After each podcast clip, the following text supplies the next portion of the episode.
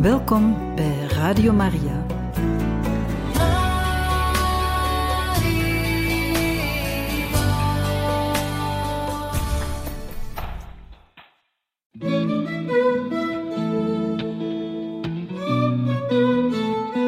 De kerk spreekt. De zorg van een moeder door de eeuwen heen. Een programma van Radio Maria.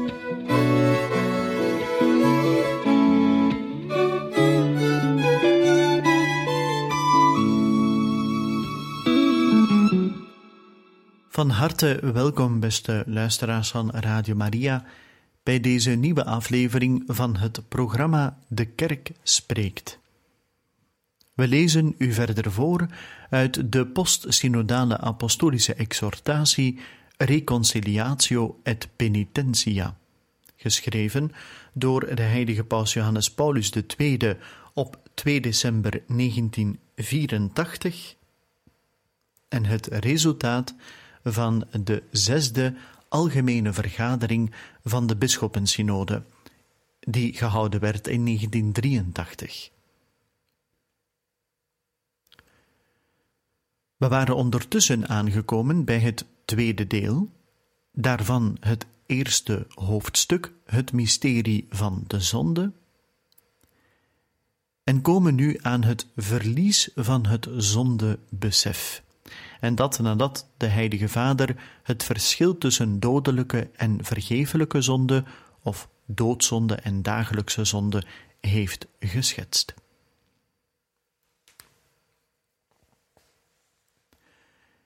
In de loop van generaties heeft het christelijk geweten door in gemeenschap met de kerk het evangelie te lezen, zich een fijn aanvoelingsvermogen en een scherp oog verworven voor die, om zo te zeggen, kiemen van de dood die in de zonde vervat liggen. Dat aanvoelingsvermogen en die opmerkzaamheid dienen ook opdat deze kiemen onderkend worden in de vele gestalten waarin de zonde zich hult en in de vele gedaanten die zij aanneemt. Wij noemen dit gewoonlijk het zondebesef.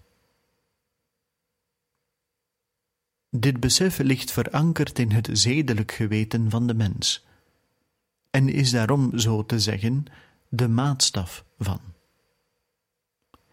Het is verbonden met het besef van God, omdat het de vrucht is van de bewuste verhouding die de mens heeft met God als zijn schepper, Heer en Vader. Daarom kan het ook nooit helemaal verdwijnen, omdat ook het besef van God nooit totaal is weg te vagen en het geweten niet volledig is uit te doven. Toch komt het in de geschiedenis niet zelden voor dat het zedelijk geweten van veel mensen voor kortere of langere tijd en door uiteenlopende oorzaken wordt verduisterd. Hebben wij wel een juiste kijk op het geweten? vroeg ik twee jaar geleden aan de gelovigen.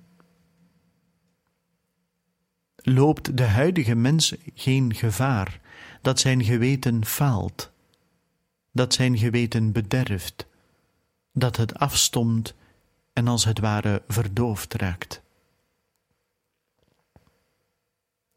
Te veel tekenen wijzen erop dat er inderdaad zo'n verduistering plaats heeft, wat des te zorgwekkender is, omdat het geweten door het concilie de meest geheime kern en het heiligdom van de mens genoemd wordt, nauw verbonden met de vrijheid van de mens, waardoor in hoofdzaak het geweten ten grondslag ligt aan de innerlijke waardigheid van de mens en tegelijkertijd aan zijn relatie met God.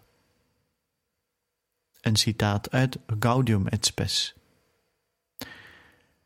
Noodzakelijk volgt daaruit dat in een dergelijke situatie ook het besef van God verduisterd raakt, dat immers nauw verbonden is met het zedelijk geweten, met het zoeken van de waarheid en met de wil tot een verantwoord gebruik van de vrijheid. Tegelijk met het geweten raakt ook het godsbesef verblind. En heeft de mens eenmaal dit voor hem belangrijkste innerlijke oriëntatiepunt verloren, dan raakt hij ook het besef van zonde kwijt. Om deze reden heeft mijn voorganger Pius XII ooit de bijna spreekwoordelijke geworden uitspraak gedaan. De zonde van deze eeuw is het verlies van zondebesef. Waarom doet zich dit in onze tijd voor? Een blik op sommige elementen van onze hedendaagse cultuur kan ons helpen de voortschrijdende verzwakking van het zondebesef, veroorzaakt, zoals gezegd, door de crisis van het geweten en het godsbesef, te begrijpen. In de eerste plaats is daar het secularisme. Uit zijn eigen aard en volgens zijn definitie is het een beweging van ideeën en zedelijke houdingen waarin men opkomt voor een humanisme zonder God, terwijl men helemaal opgaat in de verheerlijking van arbeid en productie en zich mee laat slepen door de roes van consumptie en genot, zonder aan het gevaar te denken dat dit ten koste gaat van eigen leven. Zo'n secularisme kan niet anders dan het zondebesef afstompen. Wat er op zijn hoogst van overblijft, is een gevoel voor wat de mens beledigt. Maar juist hier dringt zich de bittere ervaring op waarover ik al in mijn eerste encycliek sprak. De mens kan een wereld bouwen zonder God, maar zo'n wereld zal zich uiteindelijk tegen de mens richten. Dat zei de paus eerder in Redemptor hominis. In werkelijkheid is God de oorsprong en het uiteindelijke doel van de mens, die immers een goddelijke kiem in zich draagt. God is het die het mysterie van de mens openbaart en verlicht. En dan is het ijdel te hopen dat er een zondebesef ten aanzien van de mens en de menselijke waarden van kracht kan blijven, wanneer het gevoel voor de belediging die God wordt aangedaan, het ware zondebesef dus, ontbreekt. Dit zondebesef verdwijnt in de huidige samenleving, ook door de dwalingen waar men in terechtkomt als men sommige uitkomsten van de menswetenschappen aanhangt. Vanuit bepaalde psychologische standpunten bijvoorbeeld, kan iemand in zijn zorg om anderen niet met schuld te belasten of in hun vrijheid te beperken, ertoe komen om uiteindelijk geen enkele tekortkoming meer te willen onderkennen. Wanneer men ten onrechte de criteria van de sociologie buiten haar terrein gaat toepassen, wordt, zoals reeds gezegd, elke schuld overgedragen op de samenleving, terwijl men de enkeling onschuldig verklaart. Vanuit een bepaalde culturele antropologie worden de conditionering en beïnvloeding van de mens door zijn omgeving en geschiedenis zo overdreven en zijn eigen verantwoordelijkheid zo beperkt gesteld dat hem niet eens meer het vermogen tot het stellen van waarachtig menselijke daden wordt toegekend. En dus ook niet het vermogen om te zondigen.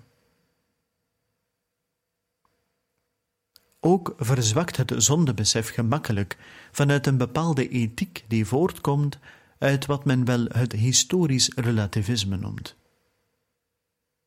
Bijvoorbeeld vanuit een ethiek die de zedelijke norm relatief stelt en die er de absolute en niet door de omstandigheden bepaalde geldigheid van ontkent, en die dus ook ontkent dat er daden kunnen bestaan die krachtens hun eigen aard ongeoorloofd zijn, ongeacht de omstandigheden waarin zij worden gesteld.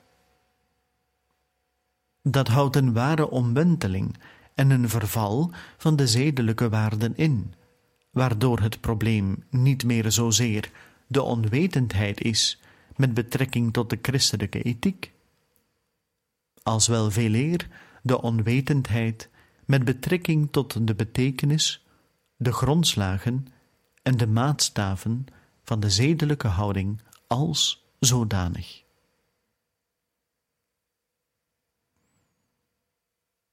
Een dergelijke omverwerping heeft altijd tot gevolg dat het begrip zonde dermate wordt afgezwakt dat men nog wel zoiets als zonde erkent, maar dat niemand meer weet wie haar begaan heeft. Verdwijnen doet het zondebesef tenslotte ook wanneer het, zoals kan voorkomen in het onderwijs aan jongeren, in de media of zelf in de opvoeding thuis, ten onrechte voor hetzelfde gehouden wordt als een ziekelijk schuldgevoel of eenvoudigweg gelijkgesteld wordt met het overtreden van wetten en voorschriften. Het verlies van het zondebesef is dus een vorm van Godontkenning, of het gevolg daarvan, niet enkel van de eigen atheïstische ontkenning, maar ook van die van het secularisme. Want als zondigen het verbreken betekent van de band die wij met God als zijn kinderen hebben, met de bedoeling ons leven te onttrekken aan de gehoorzaamheid die wij Hem verschuldigd zijn, dan is zondigen meer dan enkel het ontkennen van God. Dan betekent zondigen hetzelfde als leven alsof God niet bestond, Hem uit het dagelijks leven verdrijven en in beide opzichten verminkt en ontwricht samenlevingsmodel, zoals het door de media dikwijls wel bewust voorgehouden wordt, draagt niet weinig bij tot het voortschrijdende verlies van het zondebesef. In een dergelijke situatie is de verduistering of verzwakking van het zondebesef een gevolg van, ofwel het feit dat iedere relatie met het transcendente wordt afgewezen vanuit een streven naar de zogenaamde persoonlijke autonomie, ofwel van het feit dat men bezwijkt voor de ethische modellen die men opgedrongen krijgt door wat men vindt of gewoon is te doen, ook al keurt het eigen geweten dat af ofwel van de uiterst zware sociaal-economische omstandigheden waarin zoveel mensen leven en waardoor de neiging ontstaat om fouten en schulden enkel en alleen binnen het sociale te situeren. Ofwel, tenslotte, en dat nog het meest, van het feit dat het begrip van Gods vaderschap en van zijn heerschappij over het leven van de mens verduisterd is. Zelfs in het kerkelijk leven en denken zijn er enkele tendensen die de vermindering van het zondebesef wel in de hand moesten werken. Sommigen bijvoorbeeld proberen een overdreven gedragslijn van vroeger te vervangen door nieuwe overdrijvingen. Van een houding waarin zij overal zonden zagen, gaan ze nu over tot een standpunt van waaruit zij zeggen dat er nergens zonde is. Vanuit een overbeklemtoning van de vrees voor de eeuwige straffen komt het nu tot zo'n verkondiging van Gods liefde dat daardoor de mogelijkheid van een verdiende straf voor de zonde wordt ontkend. Van een strengheid in het terechtwijzen van dwalende gewetens komt men nu tot een zogenaamde eerbied voor het geweten die zo ver gaat dat men de verplichting opheft om de waarheid te spreken. Waarom zou men hier niet aan toevoegen dat de verwarring, die in het geweten van veel gelovigen is ontstaan, doordat in de theologie, in de prediking, in de catechese en in de geestelijke leiding op belangrijke en delicate punten van de christelijke moraal zulke uiteenlopende opvattingen en doctrines worden aangehangen, uiteindelijk tot gevolg heeft dat het ware zondebesef zo verzwakt dat er bijna niets van overblijft. Ook mag niet stilzwijgend voorbijgegaan worden aan sommige tekortkomingen in de praktijk van het sacrament van de bekering. De neiging bijvoorbeeld om de kerkelijke dimensie van zonde en bekering zo weinig te belichten dat zij tot iets louter individueels worden herleid. Of omgekeerd, de neiging om alleen oog te hebben voor het gemeenschapsaspect en de persoonlijke dimensie van goed en kwaad te schrappen. Of ook het nooit helemaal bezworen gevaar om het sacrament tot een gewoonte ritueel te laten verworden, waardoor het zijn volle betekenis en vormende werking verliest.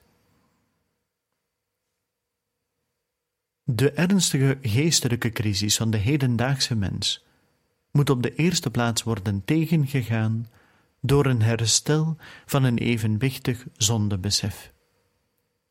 Maar een dergelijk herstel kan enkel gebeuren wanneer diezelfde mens teruggeroepen wordt naar de onaantastbare beginselen van de rede en het geloof, waar de kerk in haar zedelijke leer altijd aan vastgehouden heeft.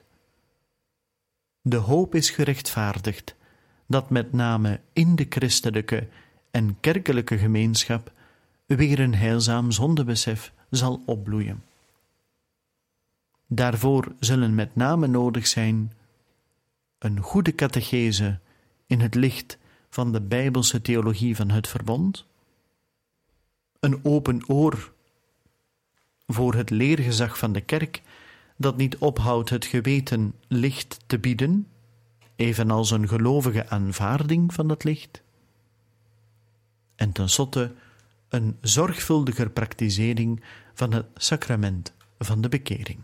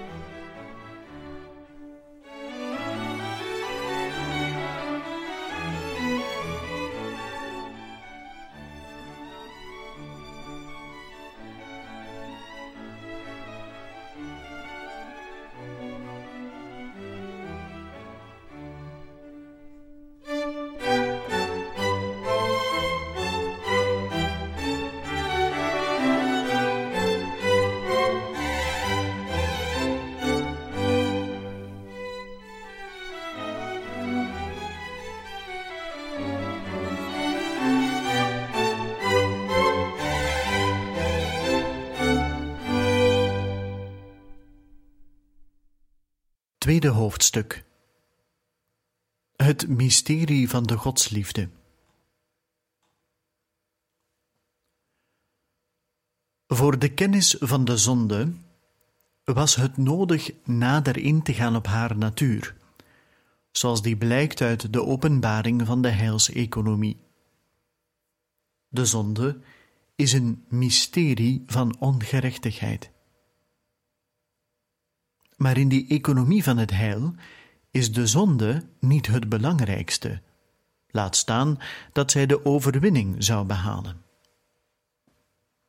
Zij heeft immers haar tegenspeler in een ander beginsel dat in die economie werkzaam is, en dat wij, naar een treffende en mooie uitdrukking van de heilige Paulus, het mysterie of sacrament van de godsliefde kunnen noemen. De zonde van de mens zou de overwinning behalen en tenslotte vernietigende kracht krijgen.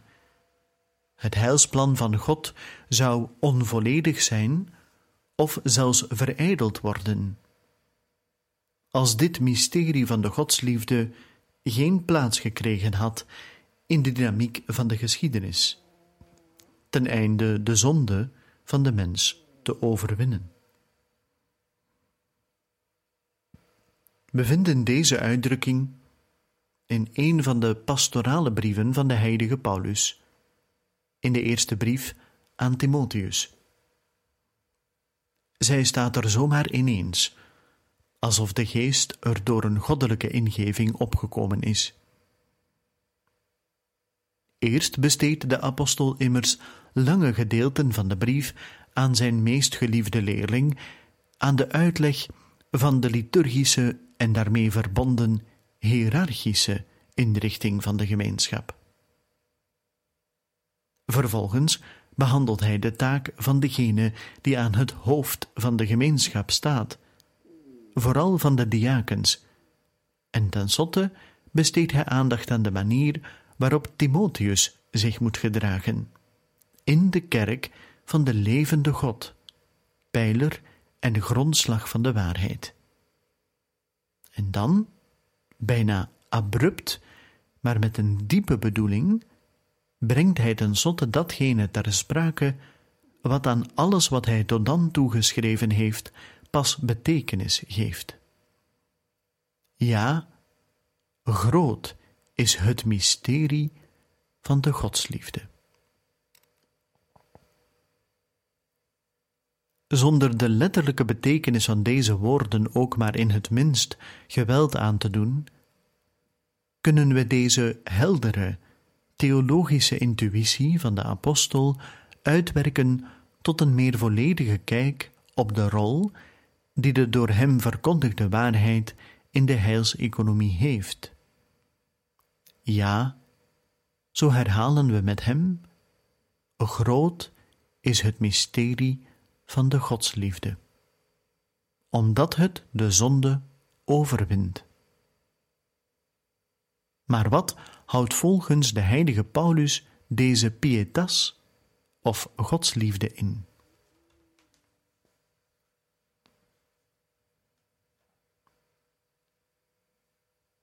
Christus zelf.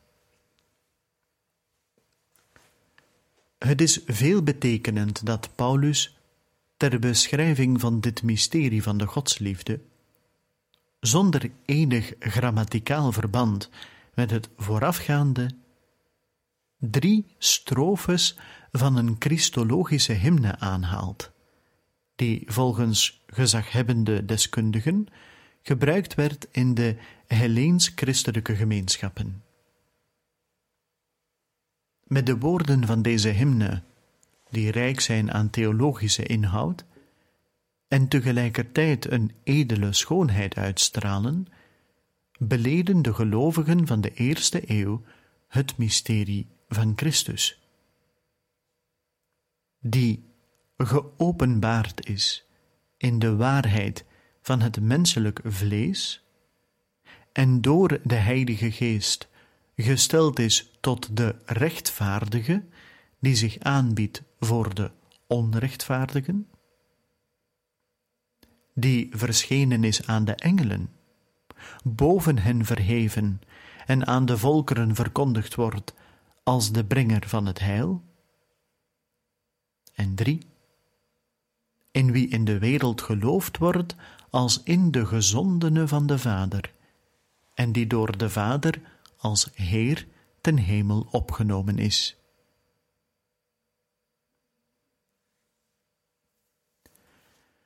Het mysterie van de godsliefde is derhalve het mysterie van Christus zelf. Het is, om het kort en bondig samen te vatten, het mysterie van de menswording en de verlossing. Van heel het Pascha van Jezus, de Zoon van God en de Zoon van Maria.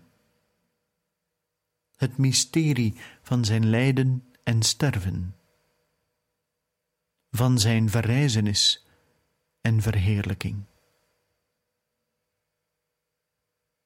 Met de aanhaling van de strofen van de hymne beoogt Paulus te onderstrepen dat dit mysterie het verborgen levensbeginsel is, waardoor de kerk tot huis van God wordt, tot pijler en grondslag van de waarheid.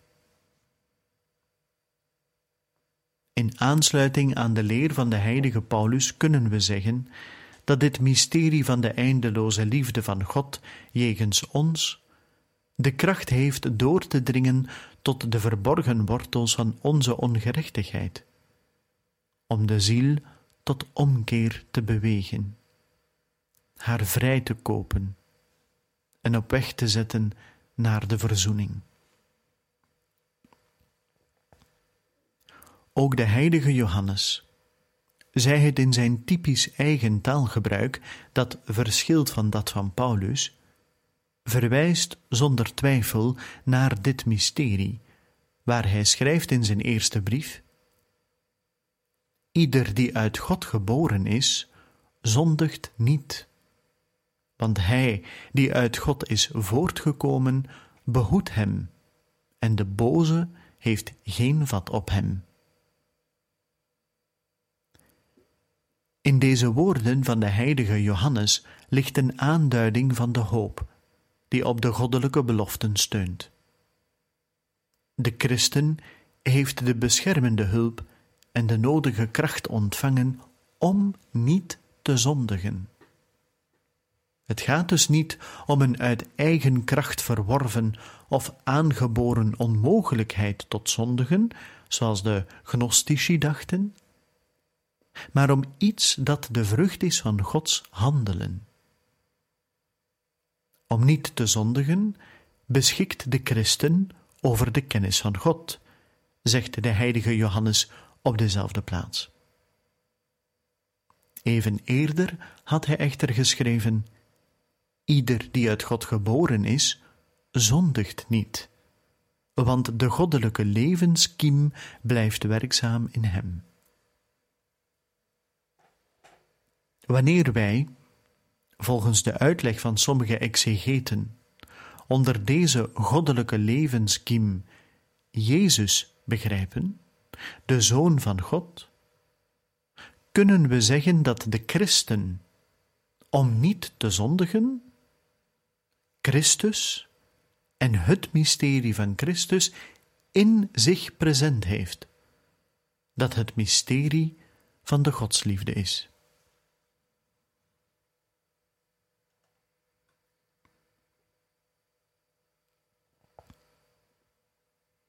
De inzet van de christen.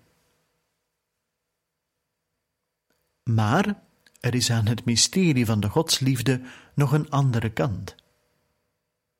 Aan de liefde van God jegens de christen hoort de liefde van de christen jegens God te beantwoorden. In deze twee betekenissen duidt de godsliefde, Eusebia, precies op die levenswijze waarin de christen de vaderlijke liefde van God beantwoordt met een liefde die kinderen eigen is. Ook volgens deze betekenis kunnen we met de heilige Paulus zeggen: Groot is het mysterie van de godsliefde. Immers ook in deze betekenis gaat de godsliefde, die bekering en verzoening bewerkt, tegen de ongerechtigheid en de zonde in. Ook hier vormen de wezenlijke dimensies van het Christusmysterie de eigenlijke inhoud van de godsliefde. in zoverre de christen dit mysterie aanvaardt, het beschouwt en er de geestelijke kracht uitput die nodig is om een leven te leiden volgens het evangelie. Ook hier gelden de woorden. Wie uit God geboren is, zondigt niet. Maar nu ligt er een gebiedende kracht in die woorden. Door het mysterie van Christus, als door een innerlijke bron van geestelijke kracht gesterkt, wordt de christen vermaand niet te zondigen. Ja, ontvangt hij zelfs het gebod om niet te zondigen, om zich, zoals staat in de eerste brief aan Timotheus, in het huis Gods, dat is, in de kerk van de levende God, zich waardig te gedragen, omdat hij een kind van God is.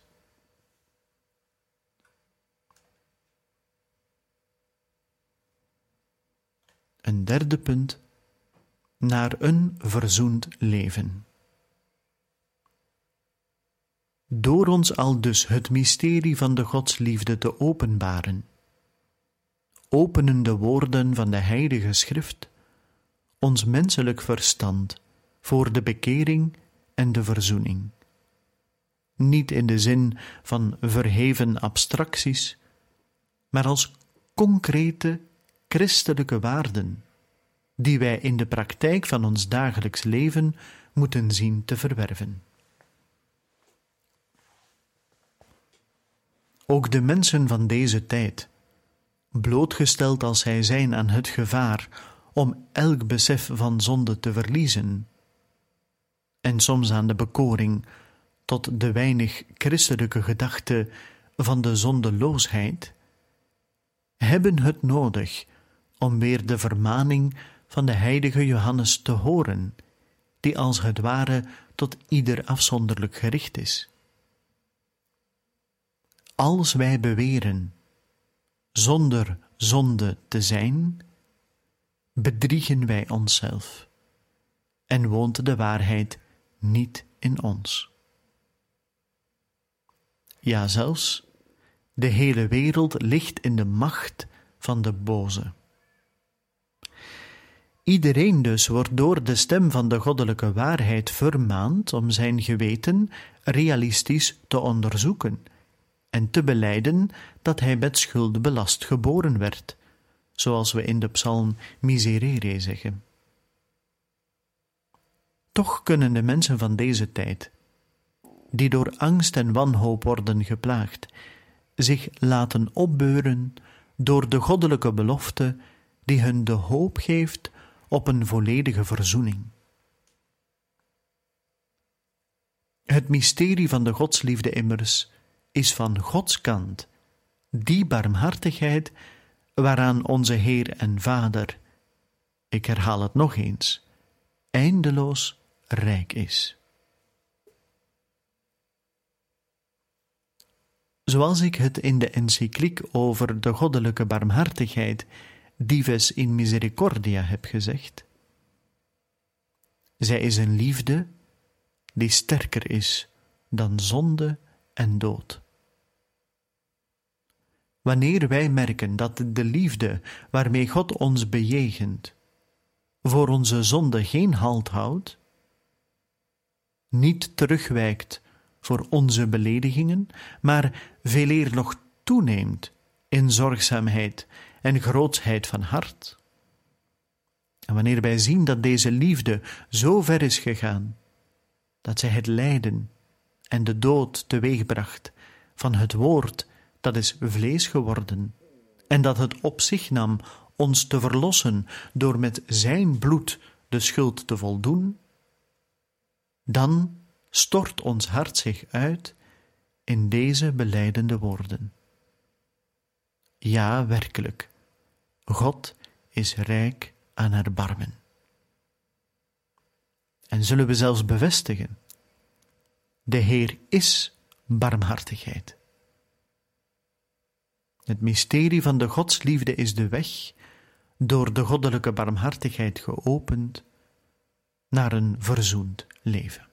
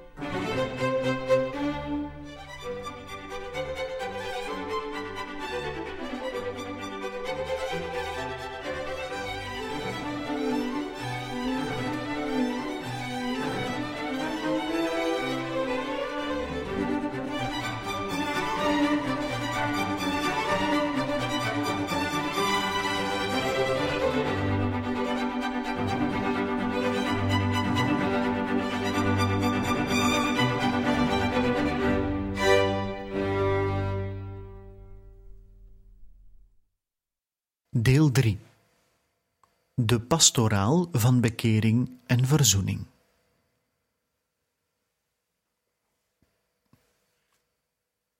Krachtens haar wezen heeft de kerk, die immers het verlossingswerk van haar goddelijke stichter verder zet, de zending om de mens tot omkeer en bekering aan te zetten en hem het geschenk van de verzoening aan te bieden.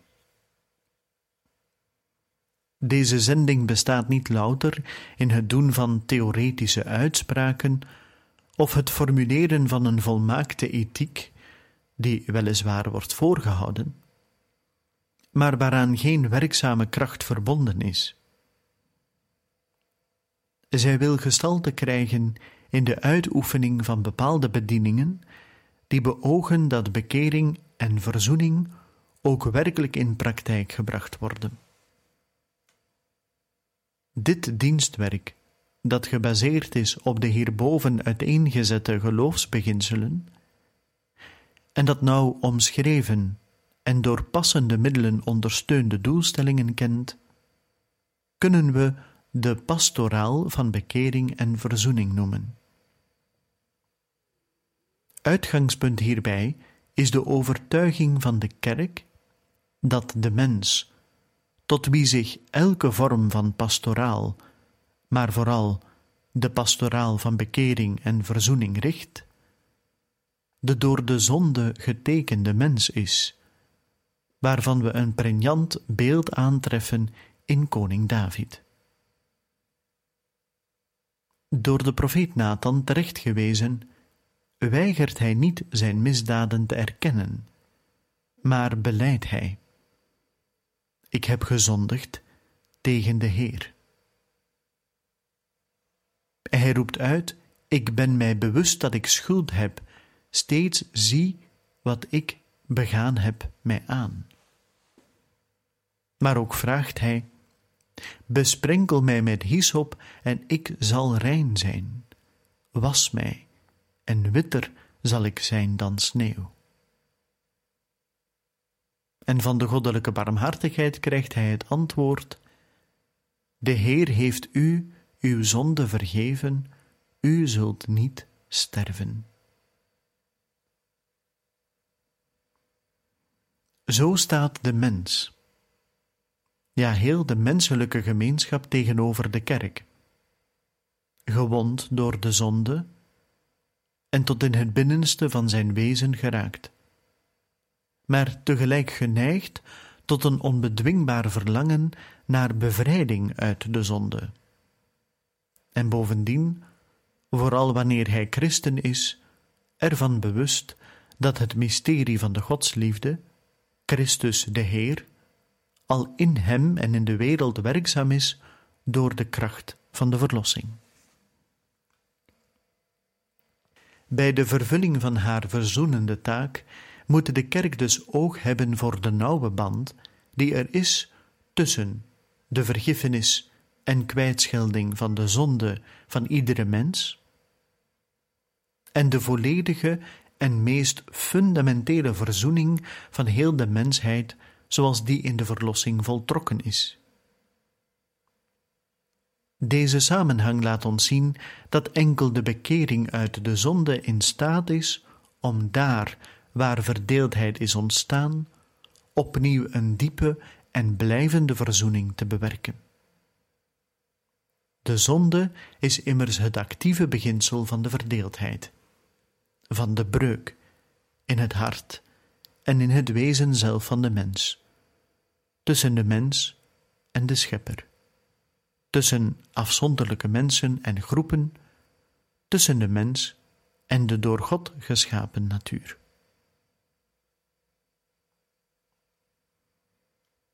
Het is niet nodig om hier nog eens te herhalen wat ik reeds uiteengezet heb over het belang van dit dienstwerk van de verzoening en over de daarop betrekking hebbende pastoraal, waardoor dit dienstwerk concreet wordt in de gewetens en in het leven van de kerk. Zij, de kerk, zou in een belangrijk aspect van haar wezen falen en een voor haar onontbeerlijke zending tekortschieten, als zij niet duidelijk en krachtig, te pas en te onpas, de boodschap van de verzoening zou verkondigen en de wereld het geschenk van de verzoening zou aanbieden.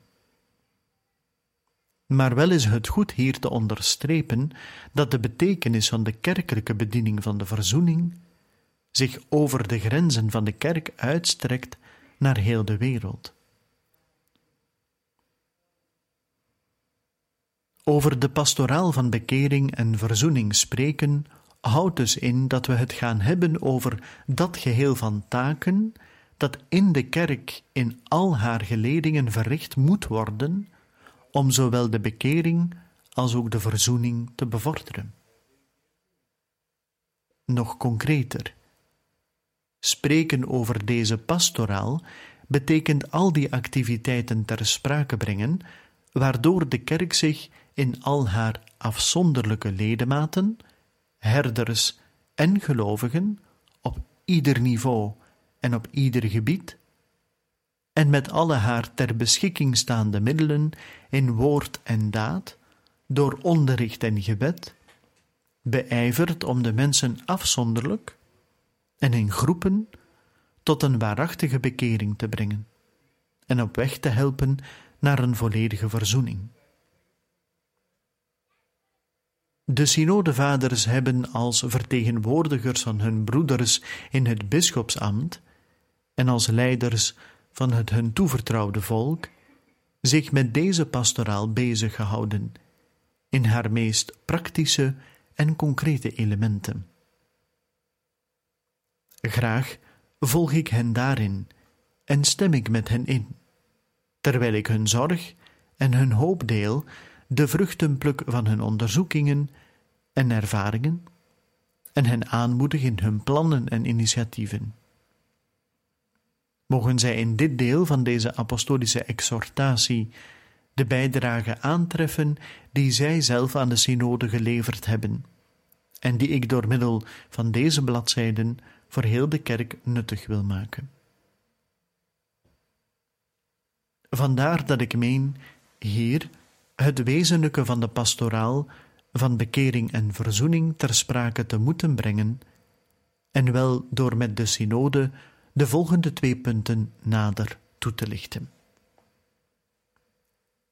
Ten eerste de middelen en wegen die de kerk heeft ter bevordering van bekering en verzoening. En ten tweede het sacrament dat bij uitstek het sacrament van bekering en verzoening wordt genoemd. En zo, beste luisteraars van Radio Maria, zijn we aan het einde gekomen van deze aflevering van De Kerk Spreekt, waar we u mochten voorlezen uit de post-synodale exhortatie Reconciliatio et Penitentia. We danken u van ganser harte voor het luisteren en graag tot een volgende gelegenheid.